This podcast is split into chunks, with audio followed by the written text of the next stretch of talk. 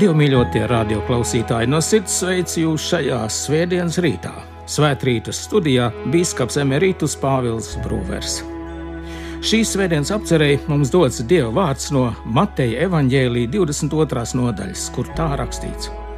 Un Jēzus sāk atkal uz tiem runāt līdzībās un sacīja: Debesu valstība līdzinās ķēniņam, kas taisīja savam dēlam kāzas, un viņš izsūtīja savus kalpus aicināt viesus kāzās bet tie negribēja nākt.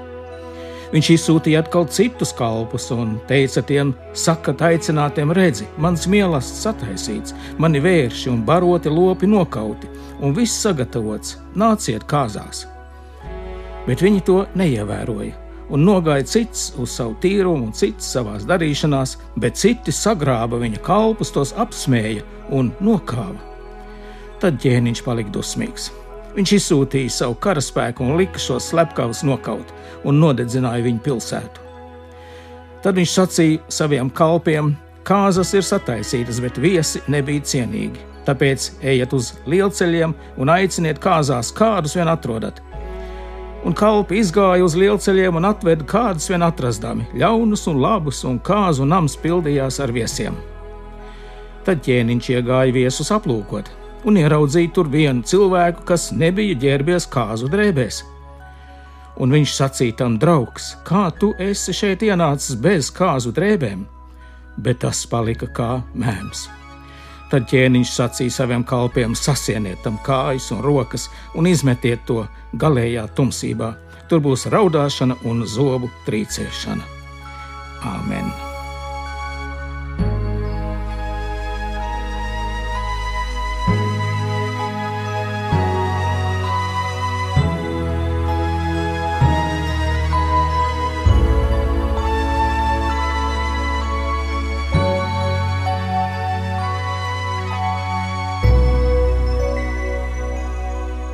Svētī debes Tēvs savu vārdu visā patiesībā, jo Tava vārdi ir un paliek mūžīga patiesība.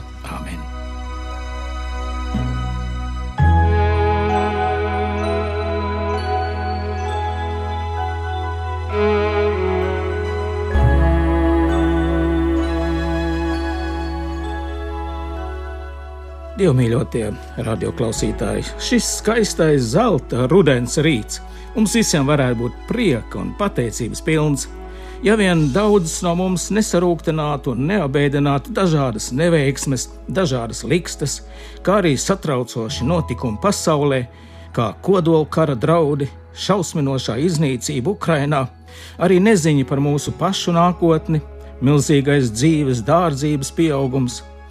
Šobrīd arī rūpes par to, kāda tiks izveidota mūsu valdība, Kādam no mums varbūt nav piepildījušās cerības, ko gribēja šodien darīt, varbūt sastapt kādus labus draugus, bet tie atteica. Tā viens otrs no mums varbūt var izjust kaut ko no tā sarūktinājuma un skumjām, ko pārdzīvoja ķēniņš Jēzus stāstītajā līdzībā, kas gribēja sarīkot savam dēlam skaistas kāzas, bet visi aicināti atsaka. Neviens no aicinātajiem viesiem neierodas. Bet mēs redzam, ka ķēniņš, saņemot bēdīgo vēsti, ka aicinātie viesi viņa ielūgumu noraidījuši, nenolaiž rokas. Viņš sūta savus kalpus uz lielceļiem un ielām, aicinot visādus gadījumu ļaudis, gan labus, gan sliktus, lai dēla kāzas būtu kuplas, lai nams būtu pilns viesiem.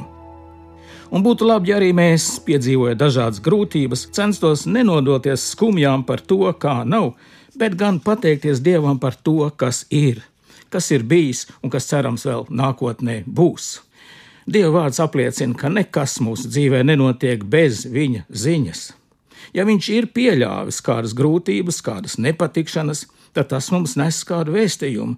Tas liek mums apstāties, aizdomāties par daudzām lietām, un varbūt liek mums ieskatīties arī pašiem sevī, ko Dievs grib sacīt katram no mums, varbūt dzīvē, kas jāmaina. Dievam pietiek līdzekļu un spēka pasargāt mūs no visām briesmām. Dievam taču kalpo miljardiem un miljardiem eņģeļu. Pirms pāris nedēļām mēs svinējam erceņģeļa Mihaela un visu eņģeļu dienu. Vienam otram šķiet, ka eņģeļi ir tādas mītiskas, tādas kā pasaku būtnes, ka ļaudis vienkārši mēģina vizualizēt visu labo, visu skaisto. Bet dievmīļotie klausītāji, eņģeļi patiesi eksistē. To apliecina svētie raksti, to apliecina Jēzus, un to apliecina arī daudzi cilvēki, kas personīgi dažādos veidos piedzīvojuši eņģeļu tuvumu, apsardzību un palīdzību. Bieži vien ļaudīm redzot pārestības un postu, kāds daudzviet tiek nodarīts pasaulē, rodas sajūta, ka mūsu pasaule ir atstāta pašplūsmā. Dažkārt rodas sajūta, ka ļaunajam ir neierobežota vara te darīt, ko vien vēlas bet, kā teikts, nekas mūsu dzīvē nenotiek bez dieva ziņas. Ja viņš ir pieļāvis kādas grūtības, kādas sarežģījumus mūsu dzīvē, tad tas ir ar kādu nozīmi, kas mums nes kādu īpašu vēstījumu. Dieva eņģeļi ir pastāvīgi mūsu tūmā, viņi gādā, lai ļaunā vara tiktu ierobežota. Un ja tā nebūtu, ļaunie gari jau mūs nesaudzētu, visa pasaule, un arī pie mums, tad izskatītos tā kā Irpiņā vai Bučā vai visās citās vietās, kas cietušas un joprojām cieš no Krievu pasaules un citiem līdzīgiem teroristiem. Mums šobrīd nav zināms, kāpēc Dievs ļauj ļaunajiem spēkiem Ukrainā plosīties, to graut un postīt, bet mēs varam būt droši, ka tāpat kā eņģeļi bija klāt pie Jēzus krusta ciešanām un stiprināja viņu viņa ciešanās, Dieva eņģeļi ir arī klāt pie visiem cietējiem Ukrainā un pie Ukrainas brīvības cīnītājiem, bieži vien pašķirot viņam īpašu veiksmi un fantastiskas izdošanās, piemēram, kā it kā nenogremdējamā kuģa Moskvā nogremdēšana, kā arī okupantu padzīšana no daudzām ieņemtajām teritorijām. Un kad šis ļaunais murgs būs beidzies, eņģeļi būs kopā ar visiem brīvību un mieru mīlošiem ļaudīm, lai gavilētu un pateiktos Dievam par dāvāto uzvaru. Es ticu, ka eņģeļiem ir zināms Dieva nodoms, tā svētība, ko Dievs ir paredzējis Ukrainai un mums visiem, kas šobrīd esam noskumuši par lielajiem upuriem un līdz ar viņiem ciešam. Dievs lieto visdažādākos veidus, visdažādākos līdzekļus, arī tādus, kas mums dažkārt ir grūti saprotami un šķiet nepieņemami, un tas viss ar vienu nolūku, lai ļaudis atgrieztos pie viņa lai visi iegūtu mūžīgo dzīvību, lai visi varētu satikties tajā lielajā kāzu mīlestā, par kuru ir runa šīs dienas evaņģēlī līdzībā. Un tā šīs dienas evaņģēlīs stāstā ķēniņš aicina visus ļaudis pie sevis, savu dēlu kāzās, bet aicinātie viesi neatnāk. Tiem savas personīgās nodarbošanās šķiet svarīgākas, un tad ķēniņš aicina savu dēlu kāzās tos, kam nav nekādu nopelnu un tur ir sanākuši visdažādākie ļaudis, ne pēc saviem nopelniem, bet vienīgi no ķēniņa žēlastības. Un tad šo kāzu viesu vidū ienāk arī pats ķēniņš. Viņš apsveicinās ar viesiem, ar vienu otru parunājas, un pēkšņi viņš pamana, ka viesu vidū atrodas kāds, kam nav mugurā kāzu drēbes. Viņš saka, draugs, kā tu esi šeit ienācis bez kāzu drēbēm? Un šajā vietā es iztēlēju, iedomājos ainu, kurā ir neviens vien, bet daudzi tādi, kas ieradušies šajā mīlestā, nepiedienīgi ģērbušies. Viņi tērpušies netīros aizsargkrāsas tērpos, kas piesūkušies nevainīgu cilvēku asinīm un asarām. Uz ķēniņa jautājumu viņi nepaliek viss kā mēmi, bet gan braši atbild, ka šīs ir viņu goda drēbes, viņa tām lepojas. Viņu vispareizākās baznīcas galva esot svētījis viņus, un viņu ieročus, viņu raķetes, lai sagrautu pēc iespējams vairāk slimnīcu, skolu, bērnu dārzu. Viņiem taču ir apsolīts, ka viņi būs pelnījuši vislabākās un viscienīgākās vietas pie lielā mīlesta galda, ja nogalinās, mocīs un aplaupīs pēc iespējas vairāk tos, kas nepakļaujas viņu nestajai jaunajai pasaules kārtībai. Bet tad šie lepnie viesi tiek pārsteigti. Ķēniņš viņam saka, ejiet nos no manis, jūs ļauna darītāji, un viņš saka saviem kalpiem, sasieniet tiem kājas un rokas un izmetiet tos galējā tumsībā, lai viņi ir tur, kur ir viņu ķēniņš, kam viņi kalpojuši, pašos elles dziļumos. Tā apmēram es iedomājos kādu vilšanos piedzīvos tie krievu karavīri un visa šī nežēlīgā kara atbalstītāji, kas noticējuši savas valsts laicīgajai un garīgajai vadībai, ka šis ir svēts karš. Tomēr, Dieva mīļotie klausītāji, par to nepriecāsimies. Dievam nepatīk grēcinieka nāve. Lai Dievs palīdz viņam attiekties, un vēl ir laiks atgriezties no saviem ļaunajiem darbiem. Un labāk ir atteikties no piedalīšanās šajos noziegumos, un labāk par to tad iet cietumā, nekā saņemt nepārsūdzamo spriedumu mūžībā. Un tas, Dieva mīļotie, attiecas nevien uz slepkavām, laupītājiem, izvarotājiem, bet uz katru grēcinieku, uz katru, kas noraida Dieva aicinājumu uz viņa dēla Jēzus Kristus kāzām. Šo evaņģēlīju aprakstīto līdzību Jēzus stāsta jūdu tautas vadītājiem, kas bija iegrimuši godkārē, patmīlībā, paštaisnībā, un Jēzus noliek viņu priekšā spoguli, lai viņi saredz sevi patiesībā lai viņi izbeidz dzīvot pašapmānā un ilūzijās, it kā viņi būtu cienīgi un dievam paklausīgi kalpi. Lai taču viņi atsaucas Kristus aicinājumam un atver savas sirds durvis patiesībai. Un arī mums ar šo stāstu par ķēniņa dēlu kāzām Jēzus noliek priekšā spoguli, lai arī mēs ieraugām katrs pats sevi patiesības gaismā.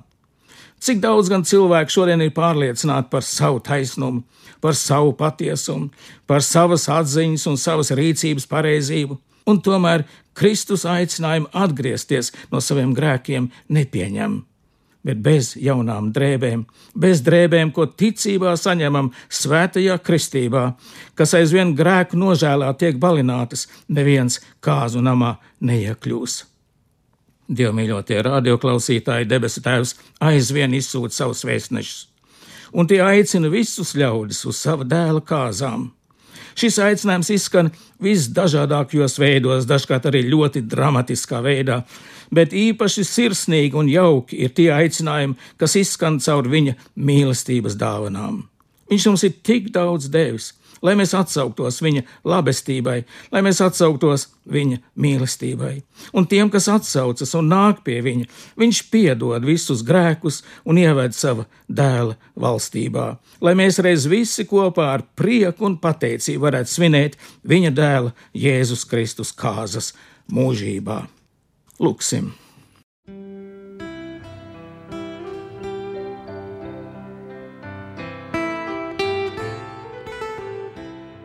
Dievs, Kungs, debes Tēvs, mēs Tev pateicamies, ka Tu esi mūsu mīļais Tēvs, un Tu mūs arī šajā rītā visiem mums no jauna atgādini savu aicinājumu atgriezties no grēkiem un atsaukties Tavai mīlestībai, atsaukties Tavai žēlastībai un Tavai patiesībai. Mēs lūdzamies vairot ticību mūsu tautā un pasargā mūs no visa ļauna. Īpaši mēs izlūdzamies Tavu žēlastību, Tavu klātnību un mierinājumu tiem, kas cieši un lūdzam, dāvā savu mieru pasaulē, un īpaši lūdzamies par mieru Ukrajinā. Mēs ieliekam visu sevi, un visus savus mīļos, un visas savas cerības tajā lūkšanā, ko mums mācīs Tavs dēls Jēzus Kristus. Mūsu Tēvs debesīs, svētīts lai top Tavs vārds, lai nāk Tava valstība, Tavs prāts, lai notiek kā debesīs, tā arī virs zemes Mūsu dienascho maizi dod mums šodien, un piedod mums mūsu parādus, kā arī mēs piedodam saviem parādniekiem. Un neieved mūsu kārdināšanā, bet atpestī mūs no ļaunā, jo tev pieder valstība, spēks un gods mūžīgi. Āmen!